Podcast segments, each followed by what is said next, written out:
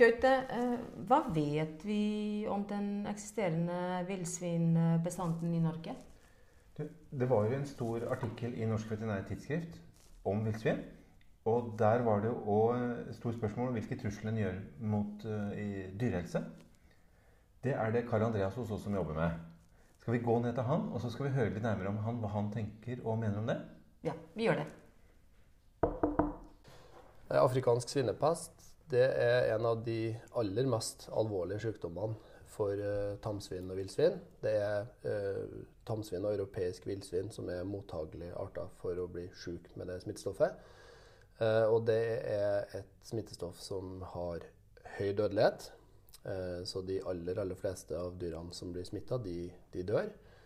Og så er det et smittestoff som det til dels har vist seg å være veldig vanskelig å bekjempe, fordi at man ikke har noe behandling. Man har heller ingen vaksiner tilgjengelig. Og så er viruset veldig stabilt, så det kan overleve lenge i miljøet. Bl.a. hvis du har infiserte villsvin som dør rundt omkring i naturen, så kan de ligge som ja, nesten smittebomber over lang tid. Er det farlig for mennesker? Nei, det er ikke farlig for mennesker. Eh, det er jo et eh, skikkelig gammelt smittestoff. Eh, det ble beskrevet første gangen fra Afrika i 1921. Da hadde jo det smittestoffet allerede eksistert i uminnelige tider på det afrikanske kontinent. I mange forskjellige former. Uh, og der I Afrika så finnes det noen ville svinarter som heter busksvin og som heter penselsvin, altså vortesvin, da, som de fleste kjenner. Mm. Og de kan bære det smittestoffet her uten å bli syk av det. Så det, I Afrika så er det en syklus på smitten som går mellom de afrikanske ville svinartene og noen flåttmidd-typer som vi ikke har her i Nord-Europa. Så ruller det viruset. Det har det gjort veldig lenge i områder hvor det også har vært tamsvin og, uh, og mennesker. Eh, men det er aldri dokumentert smitte til eh, mennesker. Så det er et eh, virus som bare smitter til, til svin, og heller ikke andre husdyr. Så, så, smitten spres bare da med kontakt mellom svin? Ja. I eh, Nord-Europa så er det sånn. Uh, og der er det uh, da direkte kontakt. Hvis du først har fått smittestoffet inn i en uh, svinebesetning, så vil det spres i all hovedsak innad i en binge og mellom bingene, med direkte kontakt mellom svin. Men i det fri og i, i, naturen så er det det elementet ved at viruset er så stabilt. Det er vist at det kan forbli smittefarlig i mer enn 1000 dager i fryst kjøtt. Og hvis du da har et kadaver, som jeg nevnte, så, så dør de dyrene som får den smitten her. Hvis du har et kadaver som har dødd pga. afrikansk svinepest, som blir liggende ute i naturen, Eh, så vil det være smittefarlig veldig lenge. Mange måneder gjennom hele vintersesongen, kanskje opp til et år. Og hvis det da kommer andre villsvin borte det, eh, og det gjør det, for de er veldig interessert i spesielt uh, insekt som er i nærheten av, av sånne kadaver, så kan de få den smitten opp, og så på en måte har du da fått en spredningstilfelle av et nytt smitta dyr. Men det betyr jo da at mennesker òg kan ta med seg smitte? Nettopp. Uh, så i og med at viruset er så stabilt, uh, så må du, du må ha tilstrekkelig varmebehandling, altså gjennomsteking eller gjennomkoking av produkter. Så i utgangspunktet så er det jo sånn at dersom du har et sjukt dyr, det skal jo ikke slaktes. Eh, altså det skal jo Kontroll på afrikansk svinepest er basert på at man skal kjøre en fullstendig bekjempelse gjennom at alle dyr i smitta dyrehold. De blir avliva og destruert. Og så blir det vaska og desinfisert, og så etter hvert repopulert med friske dyr. da. Men i uh, enkelte områder så har man tradisjon for at man har små besetninger. Man har de kanskje som frittgående dyr. Man har liten kontroll på smittevernet med de her. Og de er en betydelig økonomisk ressurs. De betyr mye for husholdninga. Og hvis de da begynner å ane at uh, her er det noe sykdom på gang, så kan det være at de forter seg å slakte. Mm. Og hvis du da lager eh, f.eks. spekepølse eller spekeskinke eller andre sånne ikke-varmebehandla produkter av de herrene, eh, smitta dyrene her, eh, så kan det være også smitteførende. Så hvis vi mennesker tar med oss de produktene, og igjen da på eh, svinehold med lavt smittevern, så er det ganske vanlig at de bruker de sånn som også vi i Norge tidligere holdt til svin. Altså de bruker de som kompostkvern de skyllefòres med, med matrester. Det er ikke lov i Norge. Mm. men hvis man da har de matrestene, og det fôres til grisen, så kan smitten føres videre. Så sånn er det vi mennesker. En av de måtene vi mennesker kan dra denne smitten her over store avstander, det er gjennom at vi tar med oss produkter ulovlig. eh, Og at det Rett og slett tar med skinkepålegg som kunne vært smitta, og glemmer igjen på rasteplassen oppe i Gudbrandsdalen. Ja, f.eks. Og det, det man har sett, altså historisk sett, så har vi hatt, vi har hatt tre episoder eh, hvor eh, det her viruset her har eh, kommet ut av Afrika og gitt opphav til utbrudd andre steder. Og Det var eh, en gang i 1958 i Portugal og en gang i 1960 i Portugal. Og Begge de tilfellene så var det smitte til, gjennom skyllefòring av eh, Skyllefòring, det er det at du gir matrester og matavfall og ja, i det hele tatt eh, ting som blir igjen etter at vi menneskene har, har eh, spist maten, fra internasjonal flytrafikk, uh, fra fly som hadde kommet fra Afrika. Eh, det ble brukt som skyllefòring til griser utafor Lisboa.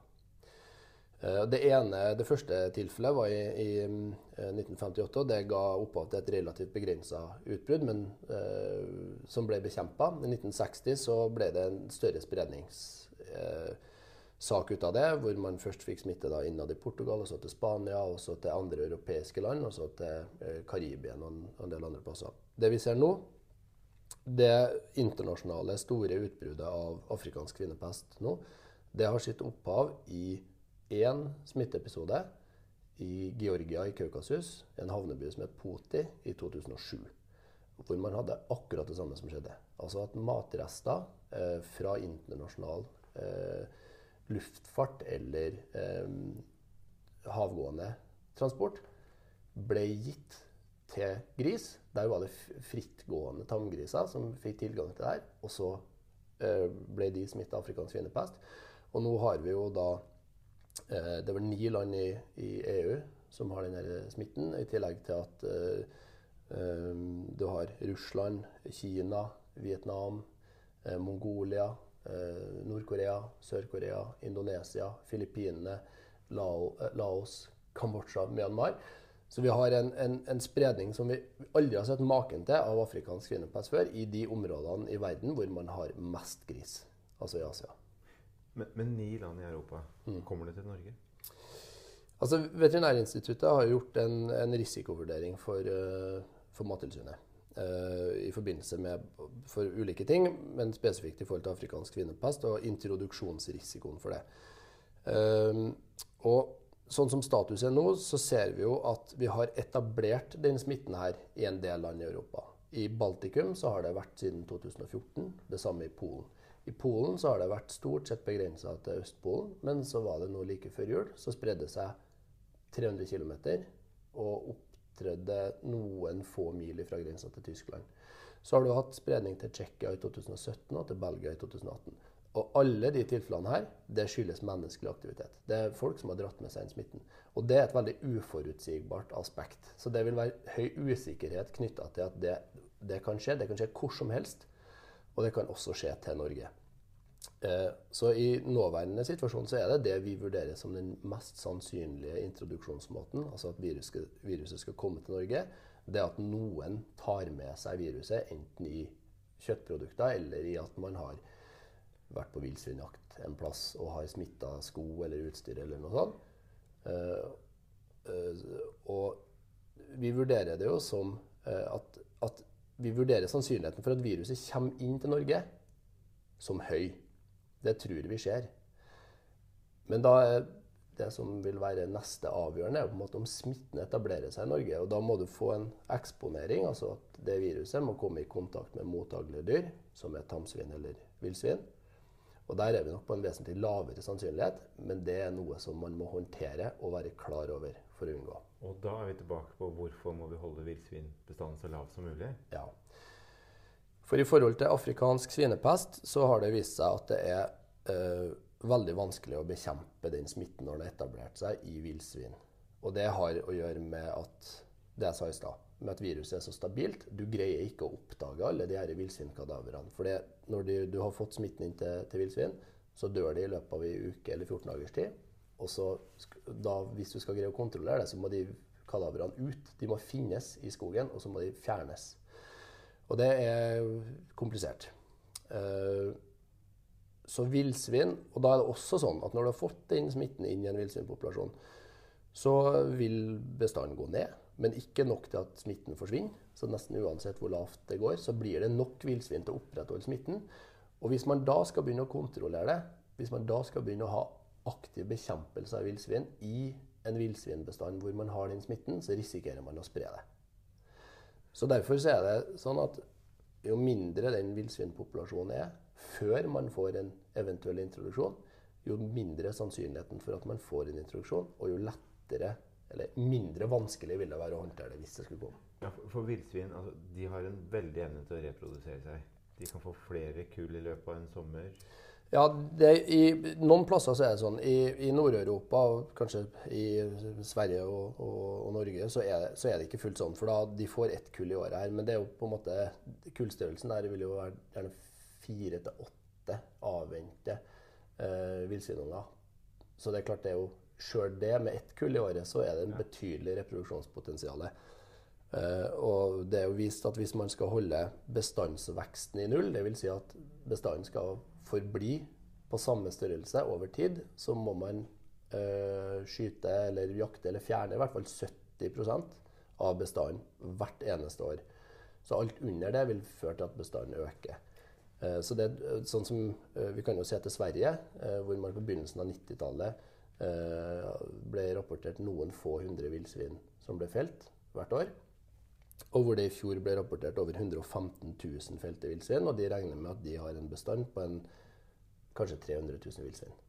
Så det, det, er et enormt eh, etableringspotensial for den arten her. Og da eh, kobla opp mot eh, altså ikke bare afrikansk svinepest, nå er det mest aktuelt, men man har andre smittestoff som også kan etablere seg på villsvin og, og, spres både innad i villsvinpopulasjonen, men også over til tamsvin. Så eh, er det eh, et uttalt politisk mål i Norge at det skal være minst mulig villsvin på minst mulig geografisk område. Hvilke konsekvenser uh, ville det hatt for Norge hadde, det, hadde sykdommen uh, kommet hit?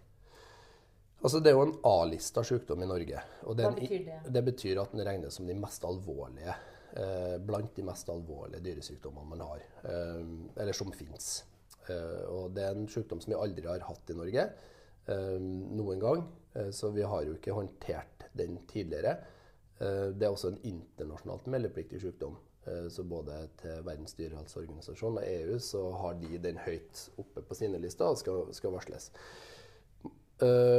Fordi man ikke har noen vaksiner eller noen behandling, så er det som jeg sa, så er det bekjempelse gjennom at man må fjerne alle dyr, fra, alle svin fra smitta besetninger, og så destruere de. Og så er det vask og desinfeksjon. Eh, det kalles stamping out, altså at man, man tar ut eh, bestandene, affiserte bestander. Og konsekvensene dersom man får en introduksjon, gitt de virkemidlene som er nødvendige for å bli kvitt det, er enorm. Eh, så er det også i tillegg sånn at, at der Mattilsynet har jo beredskapsplaner og, og håndteringsmanualer og er forplikta av internasjonalt regelverk og, og også norsk regelverk på hvordan det skal håndteres. Og det er inngripende, det som må gjøre. Det, da er vi på soneopprettelse, og det er på um, kontroll av produkter, eh, begrensning av kontakt mellom besetninger, eh, avliving og destruksjon av eh, smitta bestander. Og på villsvin så er det også snakk om soneopprettelser. Så eh, jeg sa at det er vanskelig å, å bekjempe det her på villsvin. Det er det. Det er ett land som har fått det til. Det var eh, Tsjekkia. De fikk en introduksjon av afrikansk svinepest i 2017 og hadde det siste funnet sitt på, ganske tidlig på våren 2018. Etter det har de ikke hatt noen tilfeller. Og det de gjorde, det var utrolig omfattende. Men det besto sånn grovt sett av at man hadde mye restriksjoner på ferdsel i de områdene. De brukte gjæring, altså fysiske gjerder, for å begrense hvor mye villsvinene flytta på seg. De, lot, eh, de hadde begrensninger på eh, bruken av de områdene hvor de hadde smitten. Eh, Bekjempa villsvinbestandene i nærområdene og i sona rundt.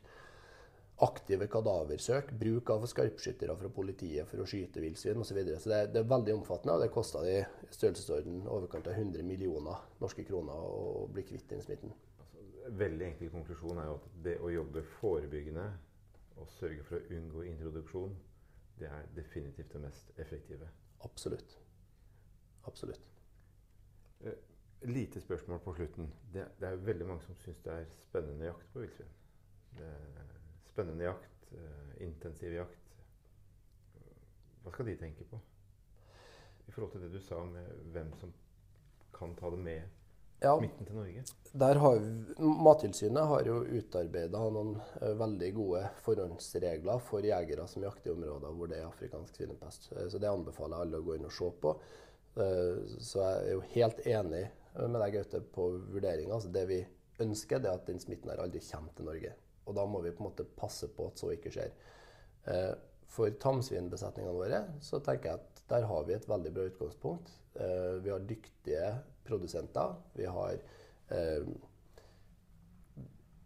stort fokus på smittevern. Vi har en veldig høy dyrehelse og en veldig god svinehelse i Norge. Og vi har holdt det sånn over kjempelang tid.